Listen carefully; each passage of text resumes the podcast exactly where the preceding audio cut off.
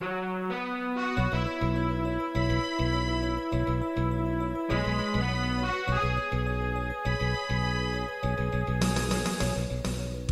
listening to Radio Free Asia. The following program is in Khmer.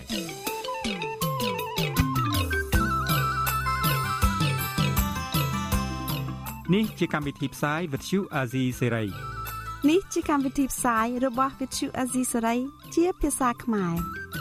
វត្តឈូអាស៊ីសេរីសូមស្វាគមន៍លោកអ្នកនាងទាំងអស់ពីរដ្ឋធានី Washington នៃសហរដ្ឋអាមេរិក។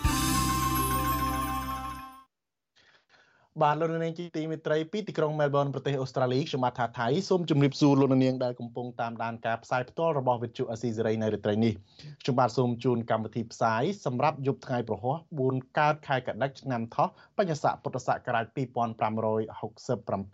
ត្រូវនៅថ្ងៃទី16ខែវិច្ឆិកាគ្រិស្តសករាជ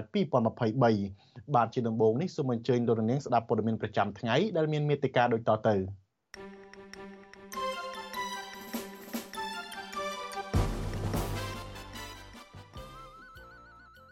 អង្គការ UNESCO អំពាវនាវឲ្យរដ្ឋាភិបាលបញ្ឈប់ការបណ្តេញពលរដ្ឋដោយបង្ខំចេញពីតំបន់អង្គរ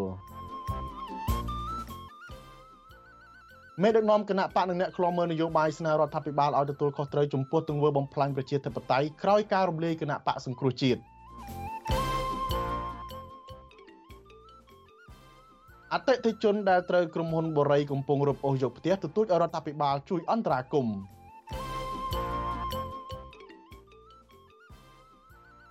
សហជីពថាការបន្តព្យួរការងារនិងបិទទ្វាររោងចក្រកាត់ដេរនៅកម្ពុជាធ្វើឲ្យប៉ះពាល់ដល់ជីវភាពកម្មកររួមនឹងព័ត៌មានសំខាន់សំខាន់មួយចំនួនទៀតបាទជាបន្តទៅនេះខ្ញុំបាទថាថៃសូមជូនព័ត៌មានពិស្ដារដូចតទៅ បាទលោកនាងជាទីមេត្រី នៅថ្ងៃនេះគឺជាខួប6ឆ្នាំនៃការរំលាយគណៈបកសង្គ្រោះជាតិបាទនៅក្នុងខួប6ឆ្នាំនេះ នៃការរំលាយគណៈបកសង្គ្រោះជាតិនេះមេដឹកនាំគណៈបកនេះក៏នៅតែបន្តទៀមទានិងតស៊ូមតិនៅលើឆាកអន្តរជាតិស្នើទៅរដ្ឋាភិបាលកម្ពុជាឲ្យស្ដារសិទ្ធិមនុស្សនិងលទ្ធិប្រជាធិបតេយ្យកម្ពុជាឡើងវិញអ្នកឃ្លាំមើលនយោបាយជំរុញទៅរដ្ឋាភិបាលគូដោះស្រាយចំនួននយោបាយដើម្បីឲ្យកម្ពុជារួចផុតពីការដាក់ទណ្ឌកម្មពីក្រមប្រទេសលោកសេរីបាទលោកសេចបណ្ឌិតរាយការណ៍ព័ត៌មាននេះ គិតត្រឹមថ្ងៃទី16វិច្ឆិកាឆ្នាំ2023គឺជាខួប6ឆ្នាំគត់ដែលតុលាការកំពូលក្រោមឥទ្ធិពលរបស់គណៈបកប្រជាជនកម្ពុជា បានរំលាយគណៈបកសង្គ្រោះជាតិចំណែកអ្នកនយោបាយប្រឆាំងក៏ត្រូវបានអាជ្ញាធរចាប់ខ្លួន និងធ្វើទុកបុកម្នេញជាបន្តបន្ទាប់រហូតមកដល់ពេលនេះមេដឹកនាំគណៈបកសង្គ្រោះជាតិនិងអ្នកខ្លំមើលនយោបាយនៅតែទៀមទាទៅរដ្ឋាភិបាល ឲ្យទទួលខុសត្រូវចំពោះទង្វើបំផ្លាញប្រជាធិបតេយ្យនិងសិទ្ធិមនុស្សក្រោយការរំលាយគណៈបកសង្គ្រោះជាតិដែលមានអ្នកគាំទ្រជាង3លាននាក់អនុប្រធានគណៈបកសង្គ្រោះជាតិលោកអេងឆៃអៀងលើកឡើងថាថ្ងៃទី16ខែវិច្ឆិកា គឺជាថ្ងៃដែលរដ្ឋាភិបាលសម្លាប់ប្រជាធិបតេយ្យនៅកម្ពុជា លោកបន្តថាថ្នាក់ដឹកនាំគណៈបកសង្គ្រោះជាតិនៅតែប្រយុទ្ធតវ៉ាទាមទារដោយសន្តិវិធី ដើម្បីឲ្យស្ថានភាពនយោបាយវិលមកដូចកាលពីមុនការរំលាយគណៈបកសង្គ្រោះជាតិដោយឡែកចំពោះថ្ងៃខួប6ឆ្នាំនៃការរំលេចគណៈបកសង្គ្រោះជាតិនេះអនុប្រធានគណៈបកនេះប្រាប់ថាគណៈបកសង្គ្រោះជាតិមិនបានធ្វើអ្វីបន្ថែមពីលើការទៀមទារបស់ខ្លួនដែលបានធ្វើនាពេលកន្លងមកនោះទេតែ បើយើងធ្វើការជាប្រចាំយើងធ្វើការដោយការងាររបស់យើងយើងធ្វើការកិច្ចការការទូតជាមួយបណ្ដាប្រទេសជាមិត្តយើងមិនមែនចាំធ្វើថ្ងៃ16ទេគឺយើងធ្វើរហូតធ្វើរហូតបាទបាទថ្ងៃ16ក៏ជាថ្ងៃដែលយើងត្រូវចងចាំថាជាថ្ងៃដែលរបបលោកហ៊ុនសែននឹងបានសម្លាប់ប្រជាធិបតេយ្យនៅកម្ពុជានឹងជាថ្ងៃដែលយើងត្រូវចងចាំក្រោយពេលតុលាការកំពូលដែលមានសមាជិកភាពចៅក្រមព្រះរាជអាជ្ញា ជាមន្ត្រីគណៈបកកណ្ដាលអំណាចកាត់ក្តីរំលាយគណៈបកសង្គ្រោះជាតិកាលពីថ្ងៃទី16ខែវិច្ឆិកាឆ្នាំ2017ប្រធានគណៈបកនេះគឺលោកកឹមសុខាត្រូវជាប់ឃុំ ចំណែកមន្ត្រីគណៈបកនេះប្រឈមការធ្វើទុកបុកម្នេញតាមផ្លូវតុលាការក្រុមអ្នកនយោបាយគណៈបកនេះអ្នកខ្លះជាប់ពន្ធនាគារអ្នកខ្លះទៀតក៏រត់ភៀសខ្លួនចេញពីប្រទេសកម្ពុជា ដើម្បីគេចចេញពីការធ្វើទុកបុកម្នេញ មន្ត្រីជាន់ខ្ពស់គណៈបកសង្គ្រោះជាតិប្រចាំនៅខេត្តកំពង់ឆ្នាំងលោកដួងចន្ទ្រាដែលកំពុងភៀសខ្លួននៅក្នុងប្រទេសថៃប្រាប់វិទ្យុអស៊ីសេរីថា លោកទ្រាំរស់នៅលំបាកនៅប្រទេសថៃបែកបាក់ក្រុមគ្រួសារព្រោះមិនចង់លក់មនសិការឲ្យទៅគណៈបកកាន់អំណាចបើទោះជាកំពុងប្រឈមនឹងបញ្ហាជីវភាពបែបណាក្តីមន្ត្រីគណៈបកប្រឆាំងរូបនេះអះអាងថា លោកនៅតែតស៊ូមតិដើម្បីទាមទារឲ្យមានការការពារសិទ្ធិសេរីភាព និងប្រជាធិបតេយ្យឡើងវិញមកដល់ពេលនេះយើងជួបការលំបាកគឺយើងខ្វះខាតជាភាពជាធ្ងន់ធ្ងរតែម្ដងដោយសារជីវភាពនេះគឺវាប៉ះពាល់ទៅលើការបង់ថ្លៃបន្ទប់ស្នាក់នៅការហូបចុកជាប្រចាំនេះគឺខ្វះខាតជាទម្ងន់ដោយសារនៅតាមបណ្ដាអង្គការនានាមកដល់ពេលនេះហាក់ដូចជាអង្គការមួយចំនួនត្រូវបានបិទទ្វារមិនអាចឲ្យផ្ដល់អាហារសម្រាប់យើងគ្រប់គ្រាន់បាទតកតទៅនឹងបញ្ហាដែលបង្កឡើងដោយវិបត្តិនយោបាយនេះ វិទ្យុអាស៊ីសេរីនៅពុំទាន់អាចសុំការបកស្រាយពីអ្នកនាំពាក្យគណៈបកប្រជាជនកម្ពុជាលោកសុកអេសាន និងប្រធានអង្គភិបអ្នកណែនាំពីរដ្ឋាភិបាលលោកប៉ែនបូណាបានទេ នៅថ្ងៃទី16វិច្ឆិកាអ្នកសិក្សាផ្នែកច្បាប់លោកវ៉ុនចាន់ឡូតសង្កេតឃើញថាបើទោះជាគណៈបកសង្គ្រោះជាតិមិនអាចធ្វើសកម្មភាពនយោបាយនៅក្នុងរយៈពេល6ឆ្នាំមកនេះក្តីប៉ុន្តែមេដឹកនាំគណៈបកនេះគឺលោកសំរាំងស៊ី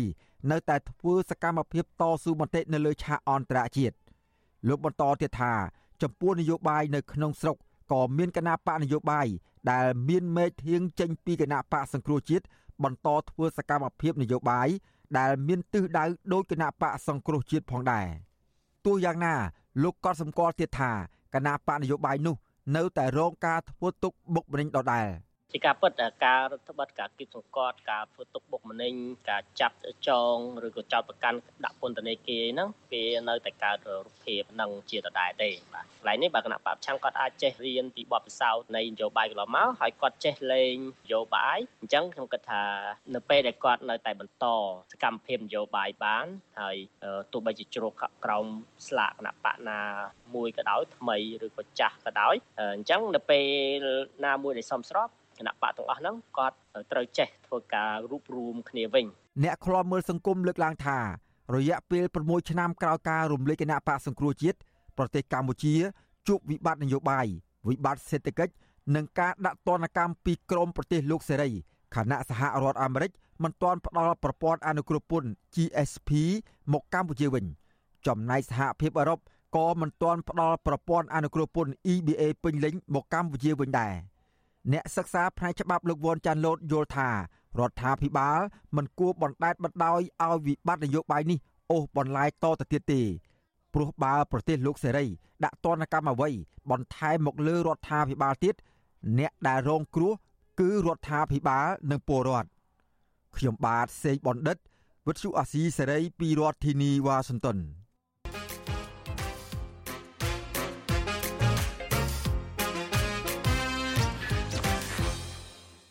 ខ្ញុំបាទសេងបណ្ឌិតសូមជម្រាបសួរអស់លោកនាងកញ្ញាទាំងអស់យើងខ្ញុំបានមកជួបគ្នាជាថ្មីម្ដងទៅហើយហើយខ្ញុំបាទសូមជម្រាបសួរបងពលីផងឲ្យបានមុនជម្រាបសួរបងអូនសេងបណ្ឌិតហើយជម្រាបសួរមិត្តអ្នកស្ដាប់វិទ្យុអេស៊ីសេរីទាំងអស់សូមជម្រាបសួរខ្ញុំយើងគឺកញ្ញាសុនរដ្ឋាដែលជាសកម្មជនចលនាមេដាធម្មជាតិជម្រាបសួររដ្ឋាពីចម្ងាយចាជម្រាបសួរពូទាំងពីរហើយក៏ជម្រាបសួរប្រិយមិត្តអ្នកស្ដាប់ទាំងអស់គ្នាដែរ តាមពិតទៅការលើកមុនពេលបងបានទៅជែកជាមួយរដ្ឋាធ្វើឯងចង់យំម្ដងទេតាតែលើកនេះអត់មានយំទេអត់ត្រូវសុបាយអត់ចង់យំណាឃើញស្រក់ទឹកភ្នែកទៅហ្នឹងទឹកឥឡូវហ្នឹងមែនទេមើលក៏ស្រក់ទឹកភ្នែកអើយមកដល់នេះគឺពួកយើងទទួលបានការស្វាគមន៍យ៉ាងកក់ក្ដៅពីបណ្ដាប្រទេសមួយចំនួនដែលយើងបានទៅហើយមាននៅអាល្លឺម៉ង់ដែលយើងបានទៅជួបសភាអាល្លឺម៉ង់ជាមួយនឹងក្រសួងការបរទេសដូចគ្នាដែរហើយយើងបានជួបជាមួយនឹងសកម្មជន Friday for Future ប្រហែលអើយចំនួនដែលពួកគាត់មកជួបយើងសកម្មជនបរិស្ថានផ្សេងផ្សេងដែលធ្វើការជាមួយសហគមន៍គឺពួកយើងបានចែករំលែកជាមួយគ្នាពួកយើងបានជួបគ្នាហើយពួកគាត់ស្ដាប់ទៅលើហេតុអើយបញ្ហារបស់យើងហើយជាពិសេសគឺ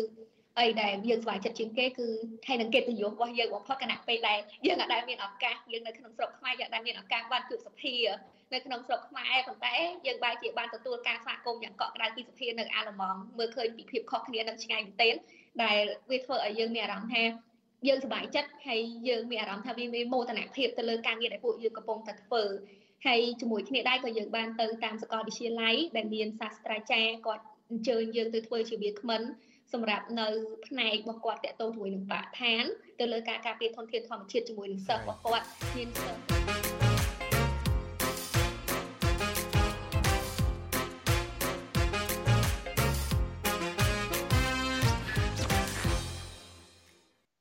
បាទលោកនាងជាទីមេត្រីសូមលោកនាងរងចាំទស្សនាកម្មវិធី podcast ដែលមានលោកសំបូលីនិងលោកសេបណ្ឌិតជាមួយនឹងកញ្ញាសុនរដ្ឋាដែលនឹងជជែកគ្នាពាក់ព័ន្ធទៅនឹងបេសកកម្មរបស់សកម្មជនបរិស្ថាន3នាក់ទៅទទួលពានរង្វាន់ដែលពាក់ព័ន្ធទៅនឹងសកម្មភាពការពារបរិស្ថានរបស់ពួកគាត់នោះបាទ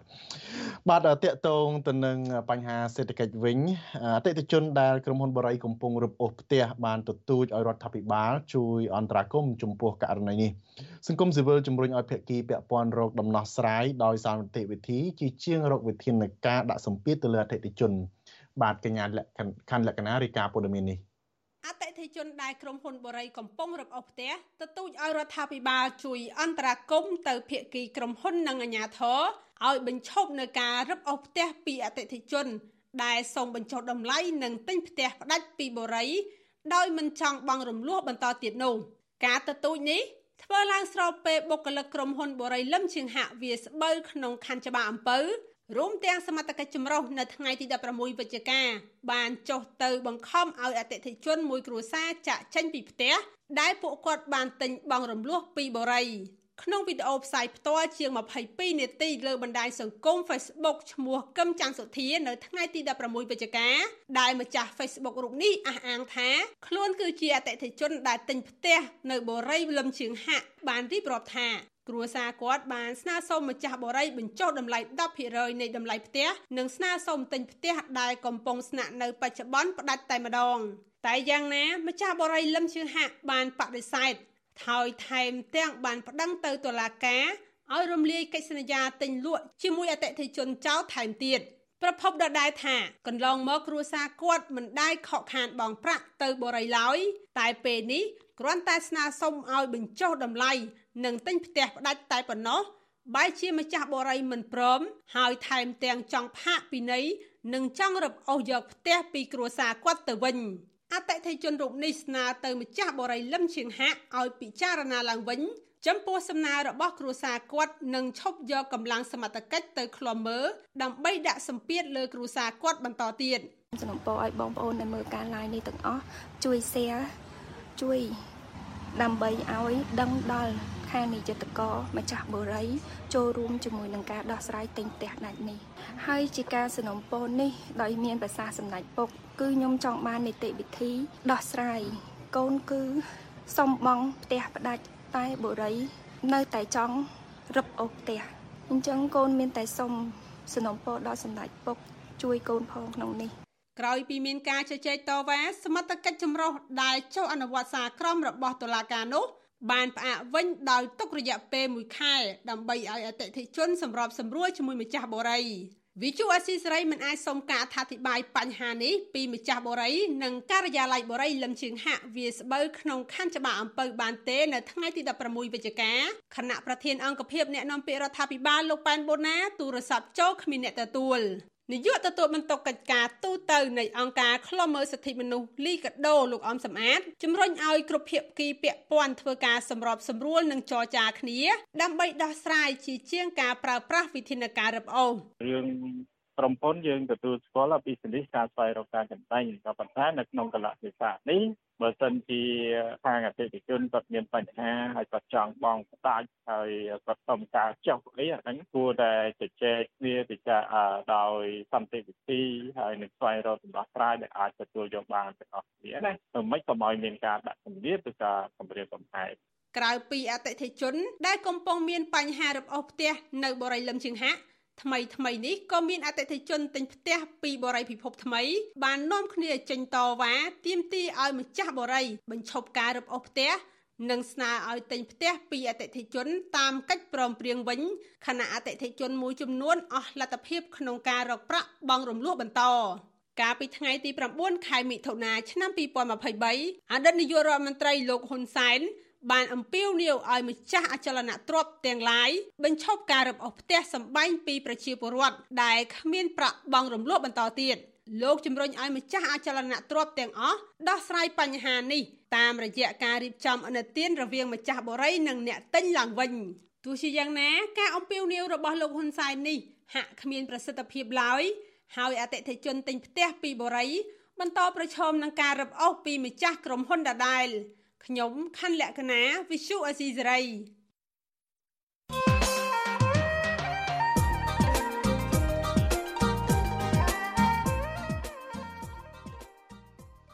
បាទលោកនាងជាទីមេត្រីសេដ្ឋកិច្ចកំពុងរងផលប៉ះពាល់ធ្ងន់ធ្ងរដែលធ្វើឲ្យប្រជាពលរដ្ឋខ្លះគ្មានលុយសងបង្វិលទៅធនាគារបង់រំលោះផ្ទះ ដែលធ្វើឲ្យពួកគាត់មួយចំនួនបាត់បង់ផ្ទះសម្បែងក៏មានវិបត្តិសេដ្ឋកិច្ចនេះមិនត្រឹមតែប៉ះមិនត្រឹមតែប៉ះពាល់ដល់ពលរដ្ឋប៉ុណ្ណោះទេសូម្បីតែអង្គការមួយចំនួនក៏ប៉ះពាល់ដែរតើរដ្ឋាភិបាលត្រូវដោះស្រាយវិបត្តិសេដ្ឋកិច្ចនេះបែបណាសូមលោកនាងរងចាំទស្សនានាទីវេទិកាអ្នកស្ដាប់វិទ្យុអាស៊ីសេរីនៅយប់ថ្ងៃសុក្រដែលមានអ្នកជំនាញសេដ្ឋកិច្ចលោកបណ្ឌិតសុកហាយជាវិក្កាមកិត្តិយសសូមលោកនាងរងចាំទស្សនាកុំបីខាន ប្រសិនបើលោកនាងមានសំណួរចង់សួរវាគ្មិនរបស់យើងឬចង់បញ្ចេញមតិយោបល់សូមលោកនាងដាក់លេខទូរស័ព្ទរបស់លោកនាងនៅក្នុងខ្ទង់ comment Facebook និង YouTube របស់វិទ្យុអាស៊ីសេរីពេលកំពុងផ្សាយផ្ទាល់នោះក្រុមការងាររបស់យើងនឹងហៅទៅលោកអ្នកនាងវិញសូមអរគុណ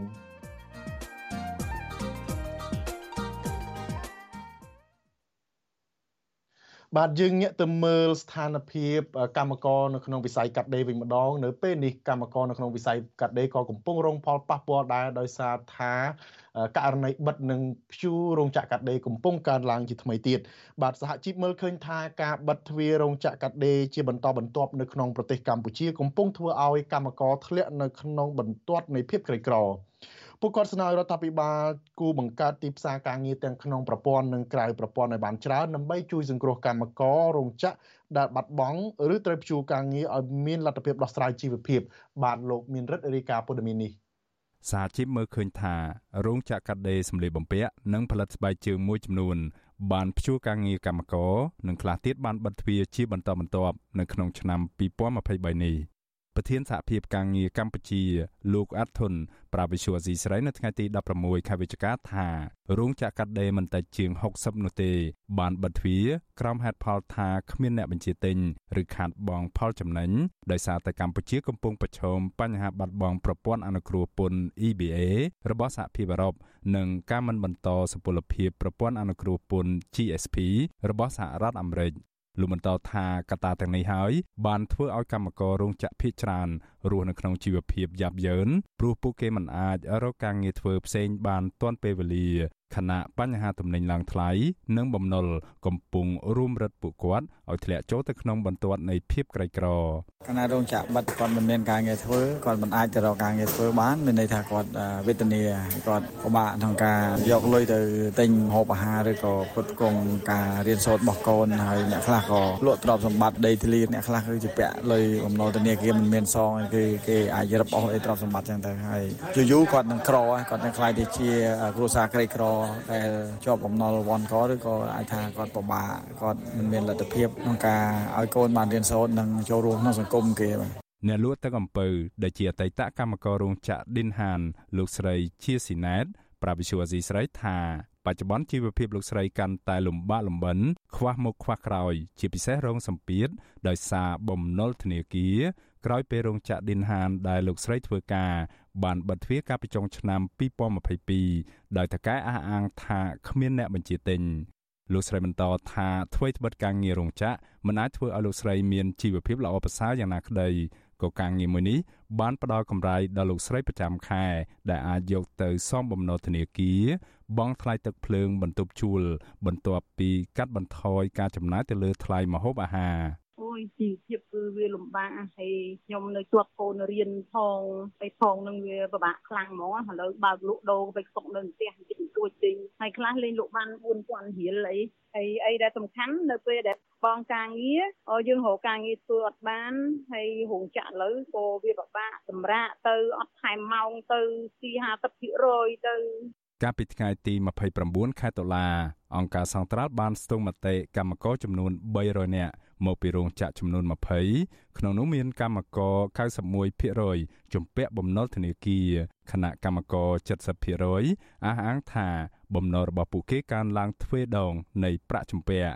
ការស្ទង់មតិបង្ហាញឲ្យដឹងដែរថាកម្មករប្រមាណ40%ជំពាក់បំណុលធនាគាររហូតដល់ទៅ3កន្លែងផ្សេងគ្នាដោយសារតែពួកគាត់ខ្ចីពីកន្លែងមួយយកទៅសងកន្លែងមួយទៀត វិសុវអាស៊ីស្រីមិនអាចតាក់ទងแนะនាំពាក្យក្រសួងកាងារលោកកតាអូននិងអគ្គលេខាធិការនៃសមាគមរោងចក្រកាត់ដេរនៅកម្ពុជា លោក Ken Lu ដើម្បីសុំការបកស្រាយជុំវិញរឿងនេះបាននៅឡើយទេនៅថ្ងៃទី16ខែវិច្ឆិកា ជុំវិញរឿងនេះប្រធានសម្ព័ន្ធសហជីពចលនាកម្មករលោកប៉ៅស៊ីណា មានប្រសាសន៍ថានៅរយៈកាលចុងក្រោយនេះរោងចក្រចំនួន9ក្នុងចំណោមរោងចក្រជិត40ដែលមានសមាជិកសម្ព័ន្ធសហជីពចលនាកម្មករបានព្យួរការងារកម្មករក្រោមហេតុផលគ្មានអ្នកបញ្ជាទិញនិងរោងចក្រមួយចំនួនទៀតបានបិទទ្វារដោយគ្មានមូលហេតុ លោកយល់ឃើញថាប្រឈមនឹងបញ្ហានេះរដ្ឋាភិបាលគួរបង្កើតទីផ្សារការងារទាំងក្នុងប្រព័ន្ធនិងក្រៅប្រព័ន្ធឲ្យបានច្រើន ដើម្បីជួយសង្គ្រោះកម្មកររោងចក្រដែលបាត់បង់ឬត្រូវព្យួរការងារឲ្យមានលទ្ធភាពដោះស្រាយជីវភាព និងសងបំណុលធនាគារការដោះបដាលជំនាញដែលស្របទៅតាមគោលនយោបាយដែលរដ្ឋាភិបាលបានកំពុងតែដាក់ចេញគឺអានឹងវាជារឿងចាំបាច់តែបើសិនបើយើងមានជំនាញហើយខ្វះក្រុមហ៊ុនវិនិយោគមកកម្ពុជាក៏យើងនឹងពិបាកដូចគ្នាដែរអញ្ចឹងមានជំនាញហើយវាត្រូវតែមានការងារទៀតដូច្នេះទាំងអស់នេះហើយវាបានវាឆ្លើយតបគ្នារបាយការណ៍របស់ក្រសួងការងារនិងបណ្ដុះបណ្ដាលវិជ្ជាជីវៈឲ្យដឹងថាក្នុងឆ្នាំ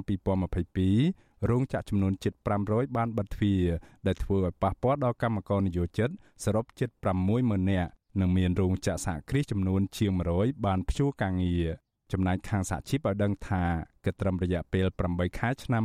2023នេះមានរោងចក្រចំនួន40 បានប្រកាសខ្សែធននិងបិទទ្វារខណៈរោងចក្រមួយចំនួនទៀតបានកាត់បន្ថយចំនួនកម្មករឬម៉ោងការងារដែលធ្វើឲ្យប៉ះពាល់ដល់ប្រាក់ខែកម្មករដោយឡែកថ្មីថ្មីនេះសហជីពឲ្យដឹងថារោងចក្រ20បន្ថែមទៀតបានប្រកាសបិទទ្វារផងដែរ កម្មករនិងសហជីពស្នើឲ្យរដ្ឋាភិបាលកម្ពុជា ស្នើសុំប្រព័ន្ធអនុគ្រោះពន្ធ EBA ពីសហភាពអឺរ៉ុបនិងការបន្តផ្ដល់ប្រព័ន្ធអនុគ្រោះពន្ធ GSP មកវិញដែលពួកគាត់យល់ឃើញថាមានតែប្រព័ន្ធអនុគ្រោះពន្ធនេះប៉ុណ្ណោះដែលអាចតាក់ទាញវិនិយោគិនឲ្យមកបើករោងចក្រនៅក្នុងស្រុកកាន់តែច្រើន ដែលផ្ដល់ការងារឲ្យពួកគាត់បានធ្វើដោយគ្មានហានិភ័យពីការបិទទ្វាររោងចក្រខ្ញុំបានមេរិត Visual Asia ស្រី ពីរដ្ឋធានី Washington បាទលោកនាងជាទីមេត្រីវិបត្តិសេដ្ឋកិច្ចនៅរយៈពេលចុងក្រោយនេះលោកនាយករដ្ឋមន្ត្រីហ៊ុនម៉ាណែតបានប្រកាសអនុញ្ញាតឲ្យជនបរទេសអាចទិញនិងជួលអចលនទ្រព្យនៅក្នុងប្រទេសកម្ពុជាបានក្រោមហេតុផលដោះស្រាយវិស័យសំណង់និងអចលនទ្រព្យដែលកំពុងប្រឈមបញ្ហាធ្ងន់ធ្ងរក៏ប៉ុន្តែអ្នកច្បាប់ សកម្មជនរួមទាំងពលរដ្ឋរិះគន់លាយឡំជាមួយនឹងក្តីព្រួយបារម្ភថាយន្តការរបស់លោកហ៊ុនម៉ាណែតនេះនឹងប៉ះពាល់ទៅដល់ខ្លឹមសាររដ្ឋធម្មនុញ្ញបូរណភាពទឹកដីនិងបង្កអសន្តិសុខសង្គមក្នុងប្រទេសកម្ពុជានៅថ្ងៃអនាគតបាទនៅរាត្រីនេះខ្ញុំបាទនឹងមានបទសម្ភាសន៍មួយជាមួយនឹងនាយកទទួលបន្ទុកកិច្ចការទូតនៃអង្គការលីកាដូនលោកអំសំអាត នៅចុងម៉ោងនៃកម្មវិធីផ្សាយនេះនៅពេលបាទជុំវិញរឿងនេះបាទ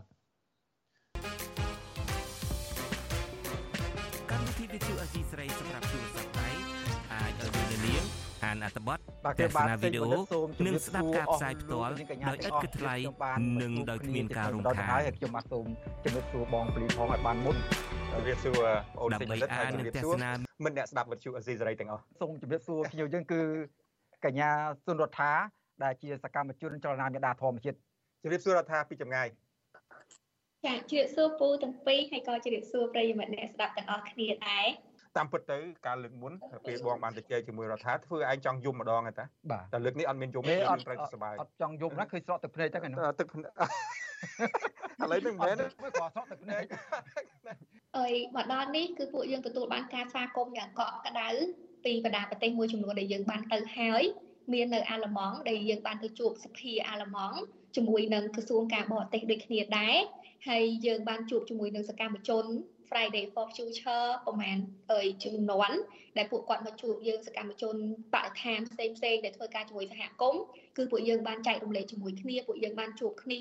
ហើយពួកគាត់ស្ដាប់ទៅលើហេតុអើយបញ្ហារបស់យើងហើយជាពិសេសគឺ អីដែលយើងស្វែងចិត្តជាងគេគឺហើយនឹងកិត្តិយសរបស់យើងបំផុតគណៈពេលដែលយើងអាចដែលមានឱកាសយើងនៅក្នុងស្រុកខ្មែរយើងដែលមានឱកាសបានជួបសភា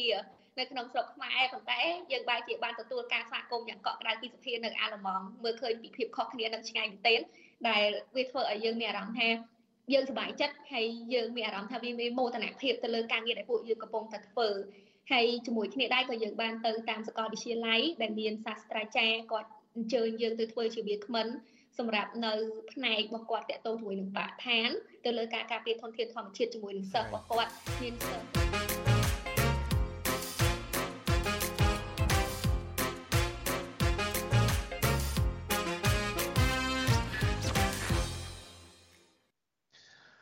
បាទលោកនាងជាទីមេត្រីយើងងាកមកចាប់អារម្មណ៍ពាក់ព័ន្ធទៅនឹងការរំលោភសិទ្ធិមនុស្សធ្ងន់ធ្ងរ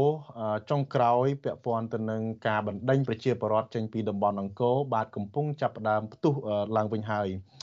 បាទអង្គការ UNESCO អំពាវនាវឲ្យរដ្ឋាភិបាលកម្ពុជាធានាការគោរពសិទ្ធិពលរដ្ឋរស់នៅតំបន់អង្គរដោយត្រូវអនុវត្តតាមសំណើរបស់អង្គការលើកលែងទោសអន្តរជាតិដែលបានលាតត្រដាងពីការរំលោភសិទ្ធិមនុស្សរបស់អាជ្ញាធររដ្ឋាភិបាល។ ការអំពាវនាវរបស់អង្គការ UNESCO នេះធ្វើឡើងភ្លាមភ្លាមឆ្លើយតបនឹងរបាយការណ៍របស់អង្គការលើកលែងទោសអន្តរជាតិ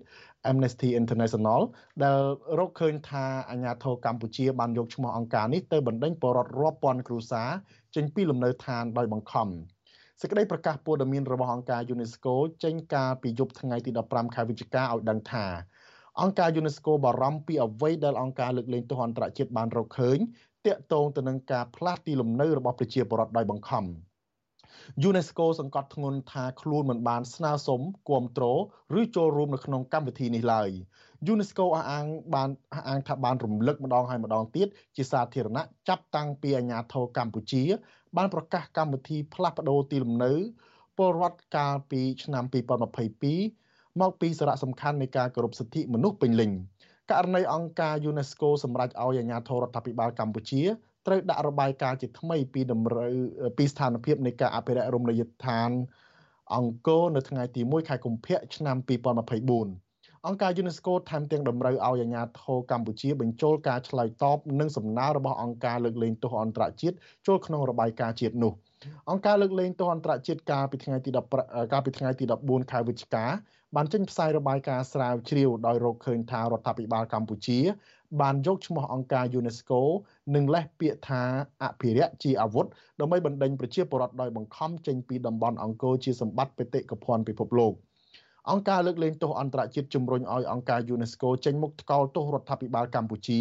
ដែលរំលោភសិទ្ធិពលរដ្ឋនៅក្នុងតំបន់អង្គរជាសម្បត្តិបេតិកភណ្ឌពិភពលោកដែលចុះបញ្ជីទទួលស្គាល់ដោយអង្គការនេះតាំងពីឆ្នាំ1992មក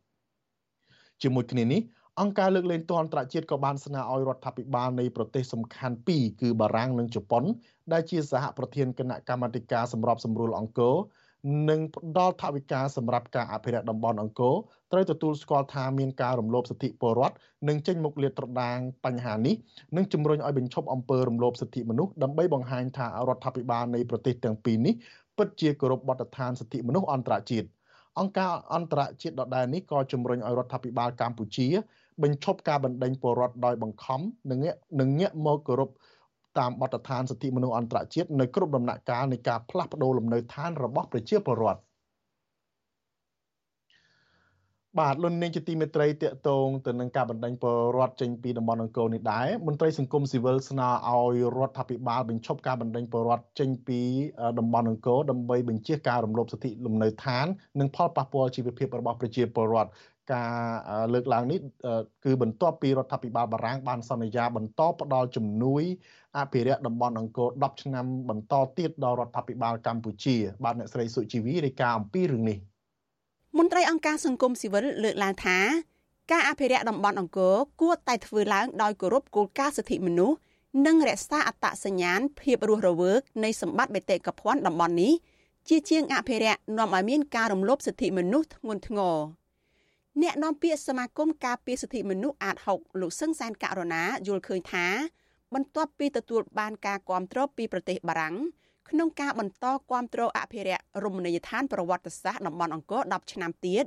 រដ្ឋាភិបាលគួរតែបញ្ឈប់ការបណ្ដេញប្រជាពលរដ្ឋចេញដោយបង្ខំឲ្យទៅរស់នៅឆ្ងាយពីក្រុងសៀមរាបលោកបន្ថែមថាបើទោះបីជាមានការជំលះដោយស្ម័គ្រចិត្តពីប្រជាពលរដ្ឋចំណូលថ្មីក្តី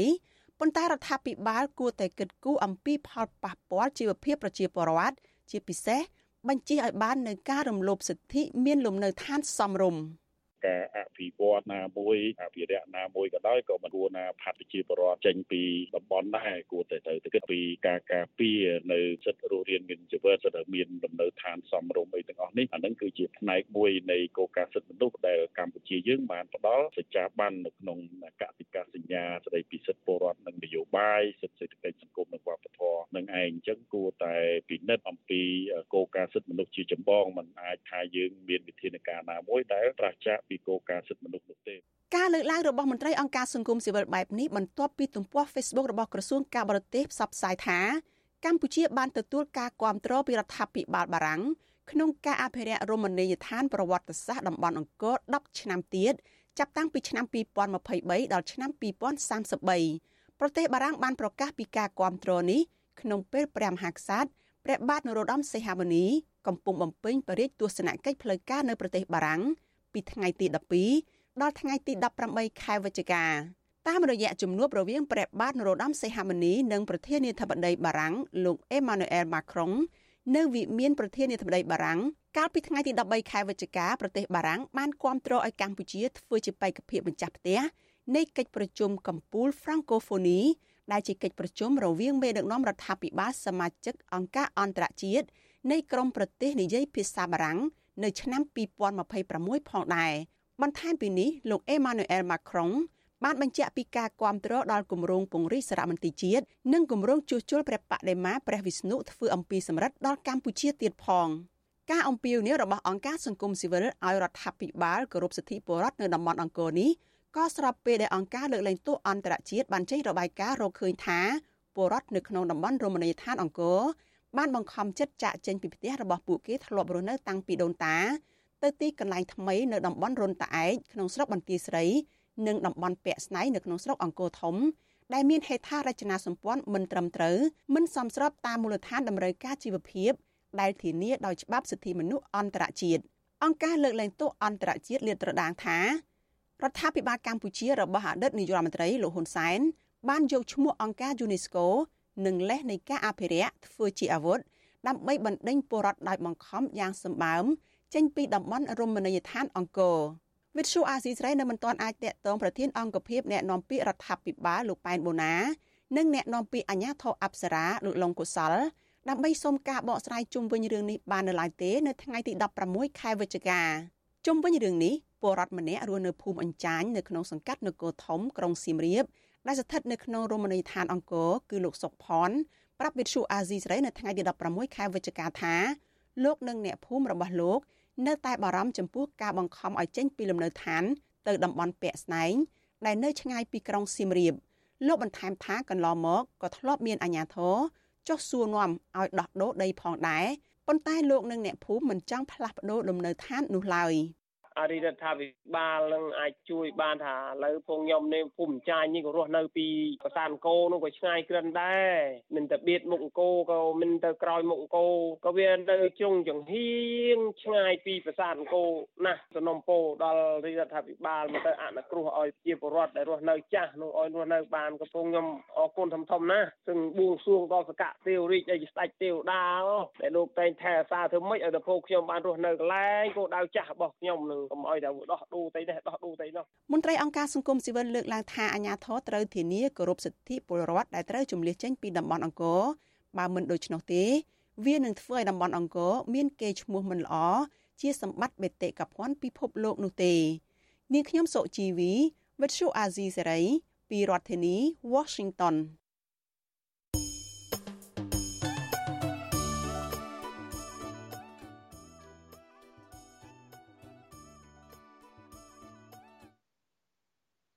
បាទលោកនាងជាទីមេត្រីដំណើរគ្នានឹងស្ដាប់ការផ្សាយវិទ្យុអាស៊ីសេរីតាមបណ្ដាញសង្គម Facebook YouTube និង Telegram លោកនាងក៏អាចស្ដាប់កម្មវិធីផ្សាយរបស់វិទ្យុអាស៊ីសេរីតាមរយៈរលកធាតុអាកាសខ្លីឬ Shortwave តាមកម្រិតនិងកម្ពស់ដូចតទៅនេះពេលព្រឹកចាប់ពីម៉ោង5កន្លះដល់ម៉ោង6កន្លះតាមរយៈប៉ុស SW 93.90 MHz ស្មើនឹងកម្ពស់ 32m និងប៉ុស SW 11.85 MHz ស្មើនឹងកម្ពស់ 25m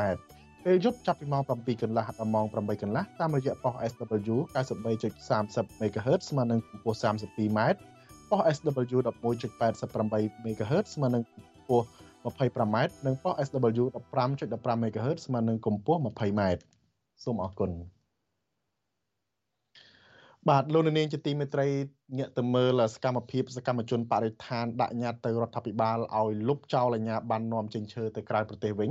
បាទក្រមសកម្មជនបរិស្ថាននៅព្រឹកមិញនេះបាននាំគ្នាជិះកង់ទៅដាក់ញត្តិទាមទារឲ្យរដ្ឋាភិបាលលុបចោលអាជ្ញាប័ណ្ណនាំចេញឈើទៅក្រៅប្រទេស បាទមន្ត្រីអង្គការសង្គមស៊ីវិលយល់ថារដ្ឋាភិបាល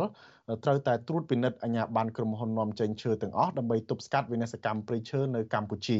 បាទលោកជីវិតារាយការណ៍ព័ត៌មាននេះក្រុមអ្នកស្រឡាញ់បរិស្ថាននិងធនធានធម្មជាតិចំនួន25នាក់បានជួបជុំគ្នានៅទីលានប្រជាធិបតេយ្យក្នុងខណ្ឌរសីកែវរាជធានីភ្នំពេញនៅថ្ងៃទី16វិច្ឆិកាហើយនាំគ្នាជិះកង់ដង្ហែញ៉ាត់ទៅដាក់នៅខុទ្ទកាល័យនាយករដ្ឋមន្ត្រី និងក្រសួងកសិកម្ម ដើម្បីទាមទារឲ្យរដ្ឋាភិបាលលុបចោលអាជ្ញាប័ណ្ណនាំឈើចេញទៅក្រៅប្រទេសរបស់ក្រុមហ៊ុនអង្គរ Plywood យុវជនបរិស្ថានកញ្ញាអនស្រីឡែនប្រាប់វិទ្យុអាស៊ីសេរីនៅថ្ងៃទី16វិច្ឆិកាថាមន្ត្រីនៃក្រសួងកសិកម្មបានចេញមកទទួលញត្តិពីក្រមយុវជន ហើយមន្ត្រីរូបនោះបានប្រាប់ថាយ៉ាងយូរបំផុតរយៈពេល7ថ្ងៃញត្តិរបស់ក្រមយុវជននេះនឹងទៅដល់ដៃរដ្ឋមន្ត្រីក្រសួងកសិកម្ម កញ្ញាអនស្រីឡែនមិនចង់ឃើញសកម្មភាពកាប់បំផ្លាញព្រៃឈើនៅតែបន្តកើតមានឡើងនៅក្នុងប្រទេសកម្ពុជានោះទេ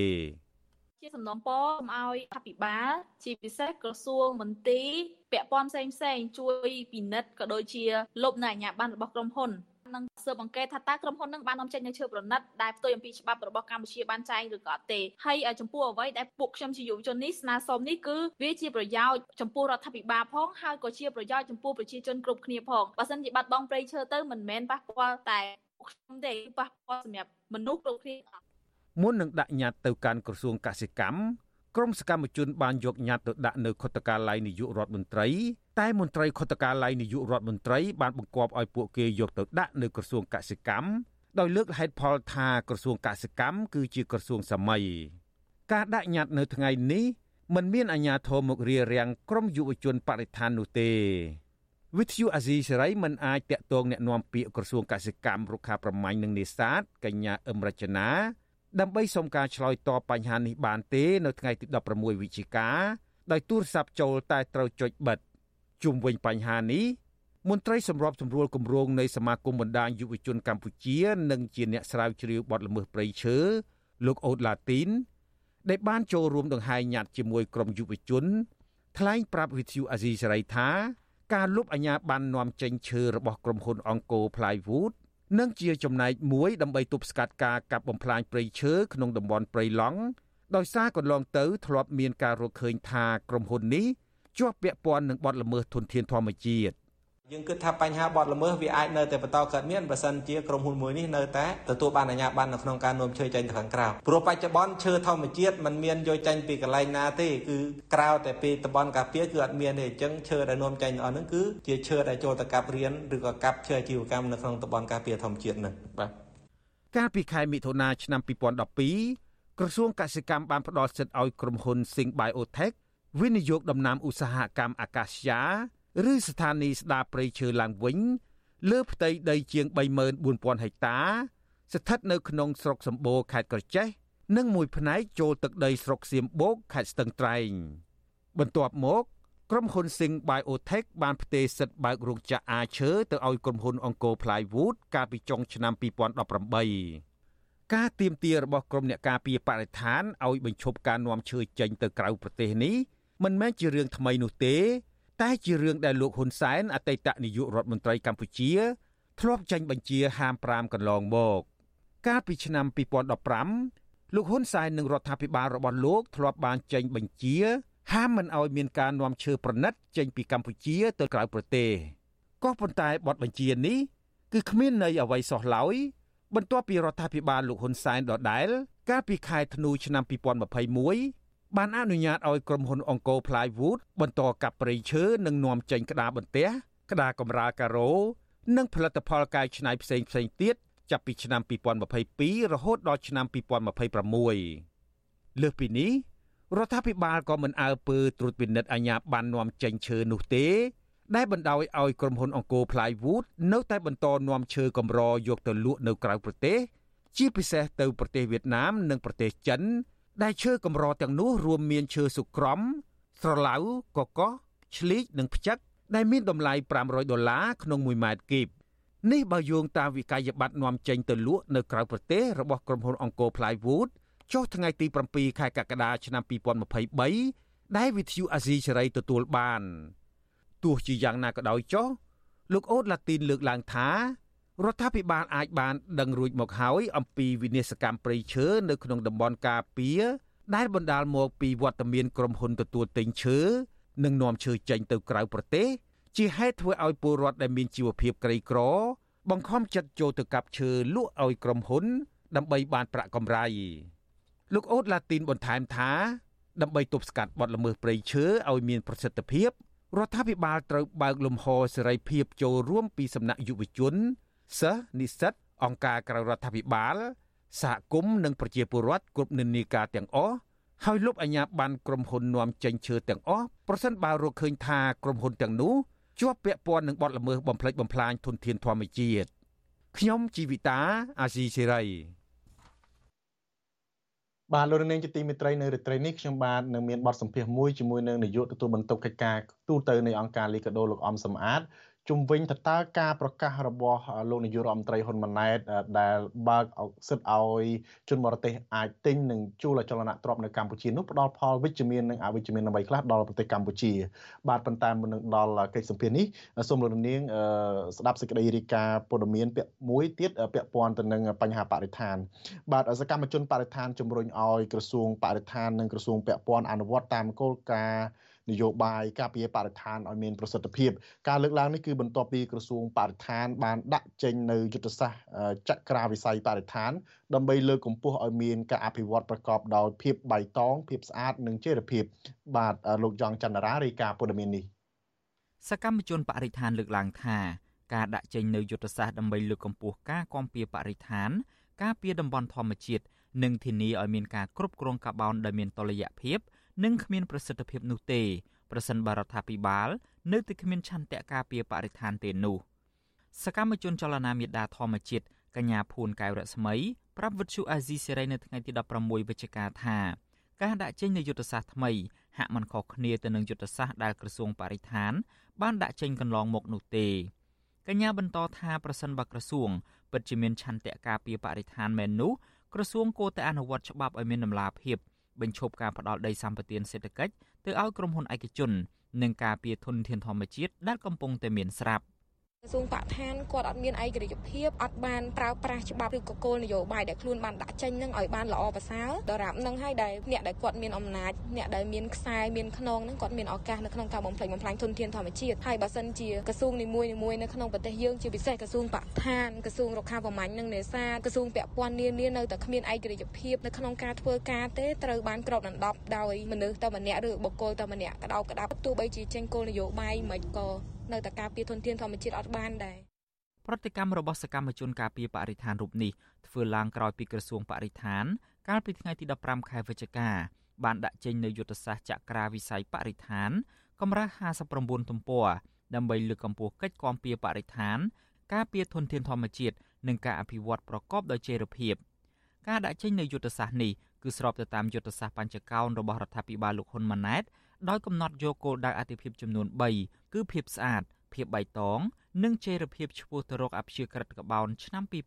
2050យុទ្ធសាស្ត្រដដែលនេះបញ្ជាក់ថានឹងជំរុញឲ្យមានការគ្រប់គ្រងធនធានធម្មជាតិការដាំកូនឈើឡើងវិញនិងលើកកម្ពស់ជីវភាពរបស់ប្រជាសហគមន៍ផងដែរ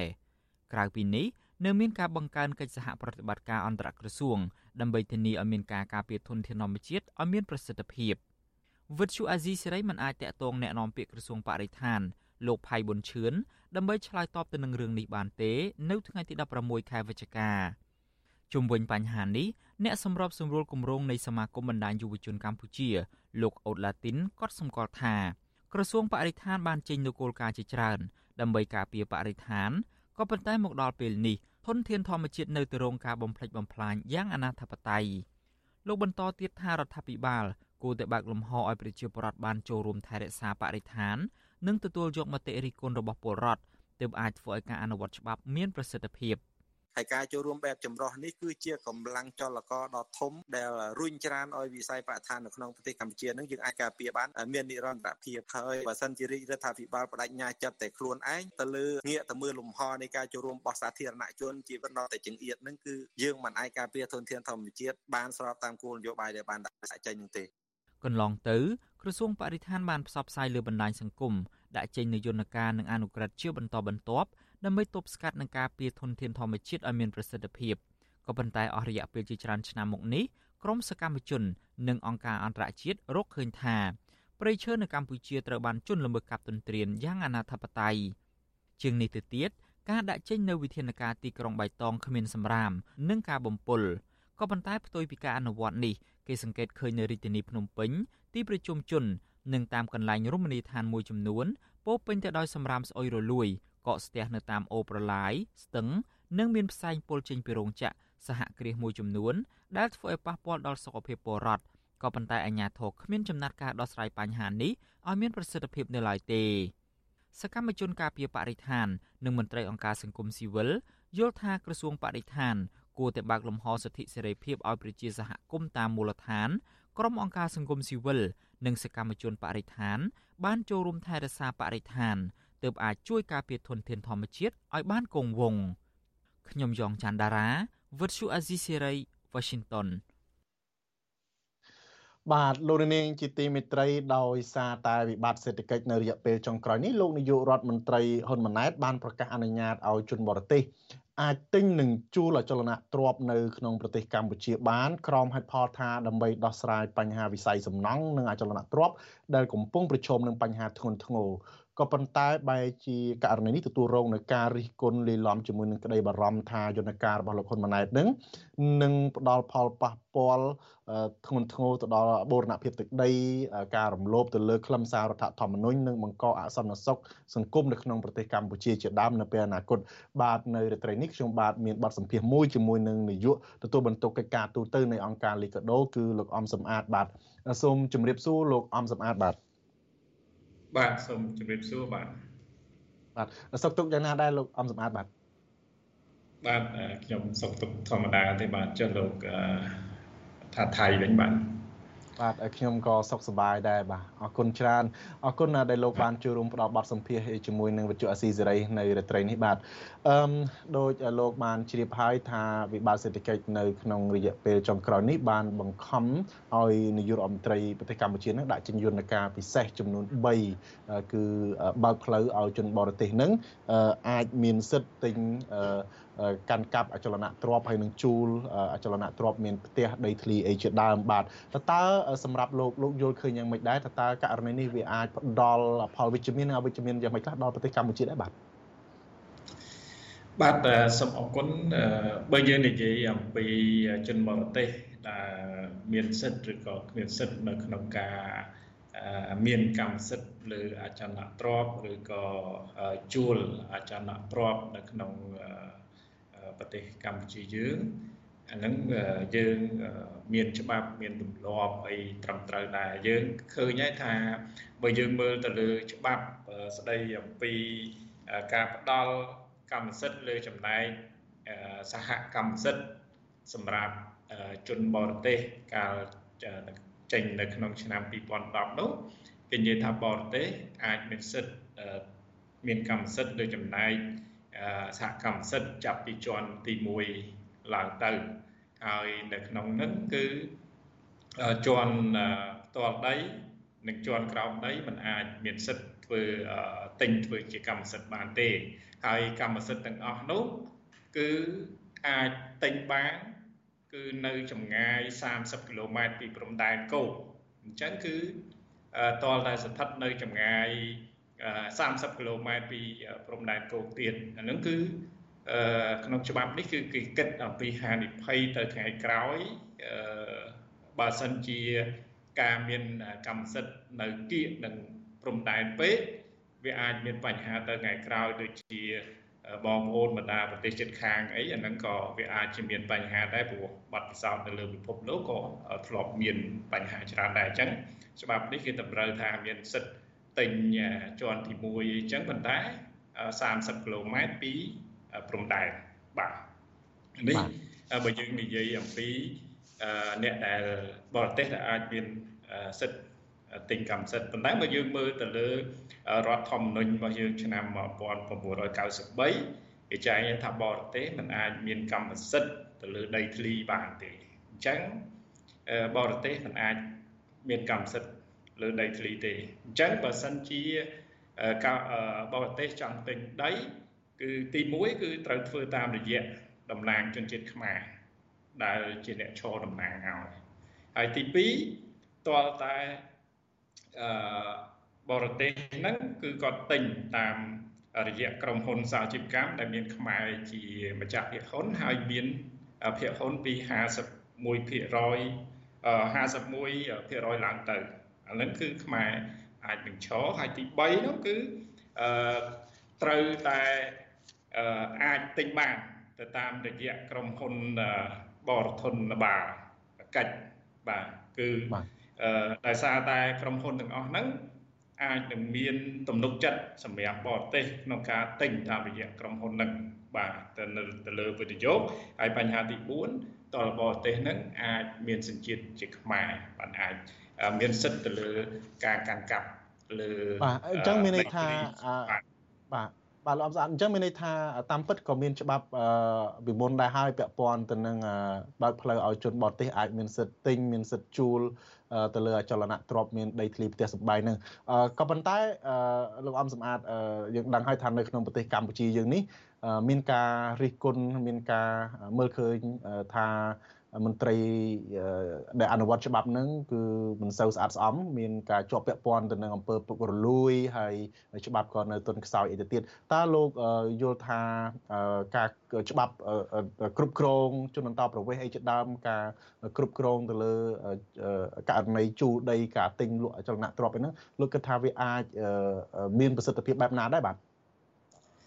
បាទខ្ញុំយល់ថាចេះទេយើងមានច្បាប់ ក៏ប៉ុន្តែយើងត្រូវមានការអនុវត្តឲ្យមានគ្រប់ជ្រុងជ្រោយពីព្រោះអានេះវាគ្រាន់តែច្បាប់ដែលកម្មដែលបរទេសគាត់អាចមានសិទ្ធិទិញដីតាមរយៈអីឬក៏មានសិទ្ធិក្នុងការទិញផ្ទះជាន់ទី1ដែលជាសហកម្មសិទ្ធិប៉ុន្តែឃើញច្បាប់ចងប្រយ័ត្នប្រយែងដីដូចជាមានកម្មសិទ្ធិហ្នឹងទោះបីជាន់ទី1ក៏ដោយគឺចម្ងាយ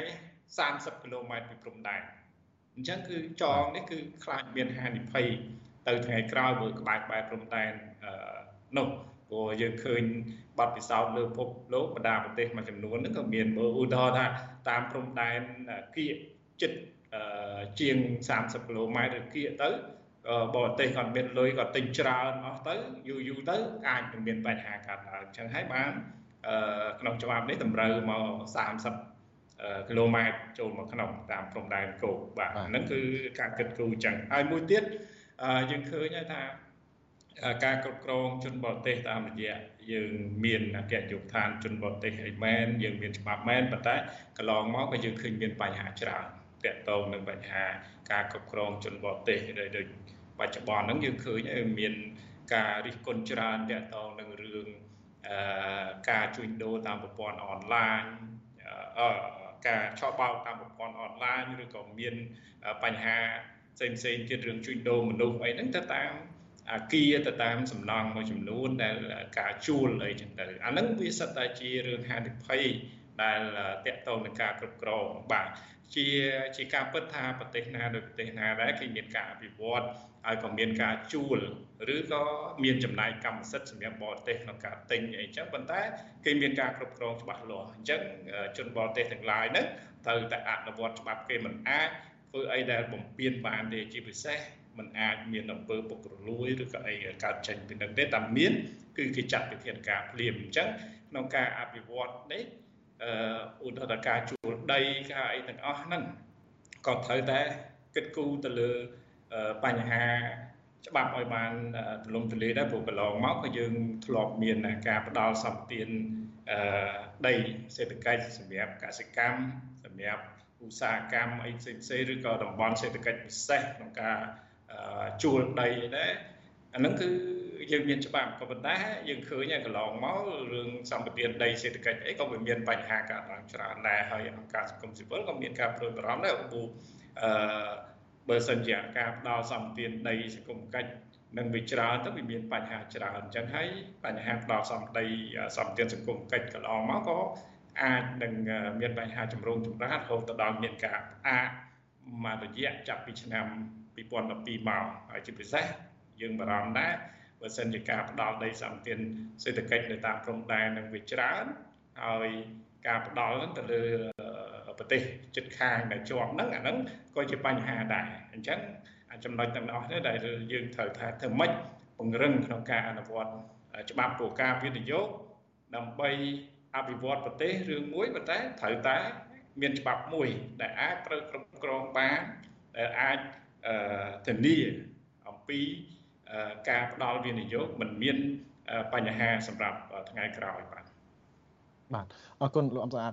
ក៏ប៉ុន្តែយ៉ាងណាក៏ដោយយើងនៅមិនទាន់ឃើញមានការចែងជាក់លាក់នៅឡើយទេថាតើការជួលនឹងជួលរបៀបណាអីបើទោះបីជាច្បាប់មានច្បាប់ចែងអីក៏ដោយចោះពាក់ព័ន្ធទៅនឹងការជួលការទិញដីធ្លីផ្ទះសម្បែងនឹង អឺដោយលោកហ៊ុនម៉ាណែតអះអាងថាលោកកំពុងតែឲ្យក្រសួងរៀបចំដែនដីនឹងពិនិត្យមើលទៅលើករណីនឹងអស់ហ្នឹងហើយកន្លងមកយើងក៏បានដឹងដែរថាអឺ លោកសខេងដែលជាអតីតរដ្ឋមន្ត្រីក្រសួងមហាផ្ទៃនឹងក៏ធ្លាប់បានហាមដែរមិនឲ្យមានការជួលដីនៅតាមតំបន់ព្រំដែនជាប់ប្រទេសជិតខាងទេពីព្រោះថារយៈពេលយូរទៅនឹងធ្វើឲ្យមានបញ្ហាទំនាស់កើតឡើងដោយមិនដឹងថាជាដីអ្នកណាឬក៏ដណ្ដើមនាំមានបញ្ហាកើតឡើងស្មុគស្មាញពិបាកដោះស្រាយរវាងប្រទេសជិតខាងអីជាដើមបាទហើយតាកតងទៅនឹងការជួលដីសម្បត្តិសេដ្ឋកិច្ចកន្លងមកដោយលោកអំសម្បត្តិលើកឡើងអញ្ចឹងថាពេលខ្លះ ការអនុវត្តច្បាប់នៅទុនខ្សោយដោយជនជាតិបរទេសដែលមកធ្វើជាកម្មករនៅតាមចការឬក៏នៅតាមក្រុមហ៊ុនដីសម្បត្តិសេដ្ឋកិច្ចហ្នឹងគឺថាចេញចូលដោយមិនមានការត្រួតពិនិត្យច្បាស់លាស់ហើយមិនបានបងពុនអីចូលរដ្ឋអីត្រឹមត្រូវអីជាដើមផងអឺលោកអំសំអាតអឺ តកតងទៅនឹងអឺការដែលជួលដីនេះតាមការអះអាងរបស់លោកហ៊ុនម៉ាណែតនឹងគឺថាមានរយៈពេលវែងដែរពី10ឆ្នាំទៅ50ឆ្នាំហើយអាចជួលបានពីរដងទៀតគឺរយៈពេល50ឆ្នាំទៀតដូច្នេះវាពីរដងវាទៅ100ឆ្នាំអឺតើលោកយល់យ៉ាងម៉េចដែរចំពោះរយៈពេលនៃការជួលរយៈពេលវែងនេះពីព្រោះកន្លងមក ខាងរដ្ឋាភិបាលហ្នឹងសូម្បីការផ្ដល់សម្បត្តិសេដ្ឋកិច្ចហ្នឹងក៏ធ្លាប់បានកាត់បន្ថយដែរពីការផ្ដល់ដីសម្បត្តិសេដ្ឋកិច្ចរយៈពេល99ឆ្នាំហ្នឹងមកសល់ត្រឹមតែ50ឆ្នាំទេដើម្បីកុំឲ្យមានផលប៉ះពាល់អីជាដើមប៉ុន្តែបែរជាឥឡូវហ្នឹងរដ្ឋាភិបាលថ្មីហ្នឹងបែរជា50ឆ្នាំហ្នឹងប៉ុន្តែបន្តឲ្យជួលបន្តទៅទៀតអីជាដើមបាទ បាទអានេះក៏វាមិនសូវជាខុសគ្នាដែរបើយើងនិយាយអំពីសម្បទានដីសេដ្ឋកិច្ចណាឧទាហរណ៍ថាពី90ឆ្នាំមក70ឆ្នាំឬក៏មក50ឆ្នាំនៅពេលដែលចប់ឆ្នាំក៏អាចមានការចរចាគ្នាបន្តទៀតនៅក្នុងការបន្តឬក៏មិនបន្តប៉ុន្តែអ្វីដែលសំខាន់ខ្ញុំគិតថា ការអភិវឌ្ឍវាជារឿងមួយហើយ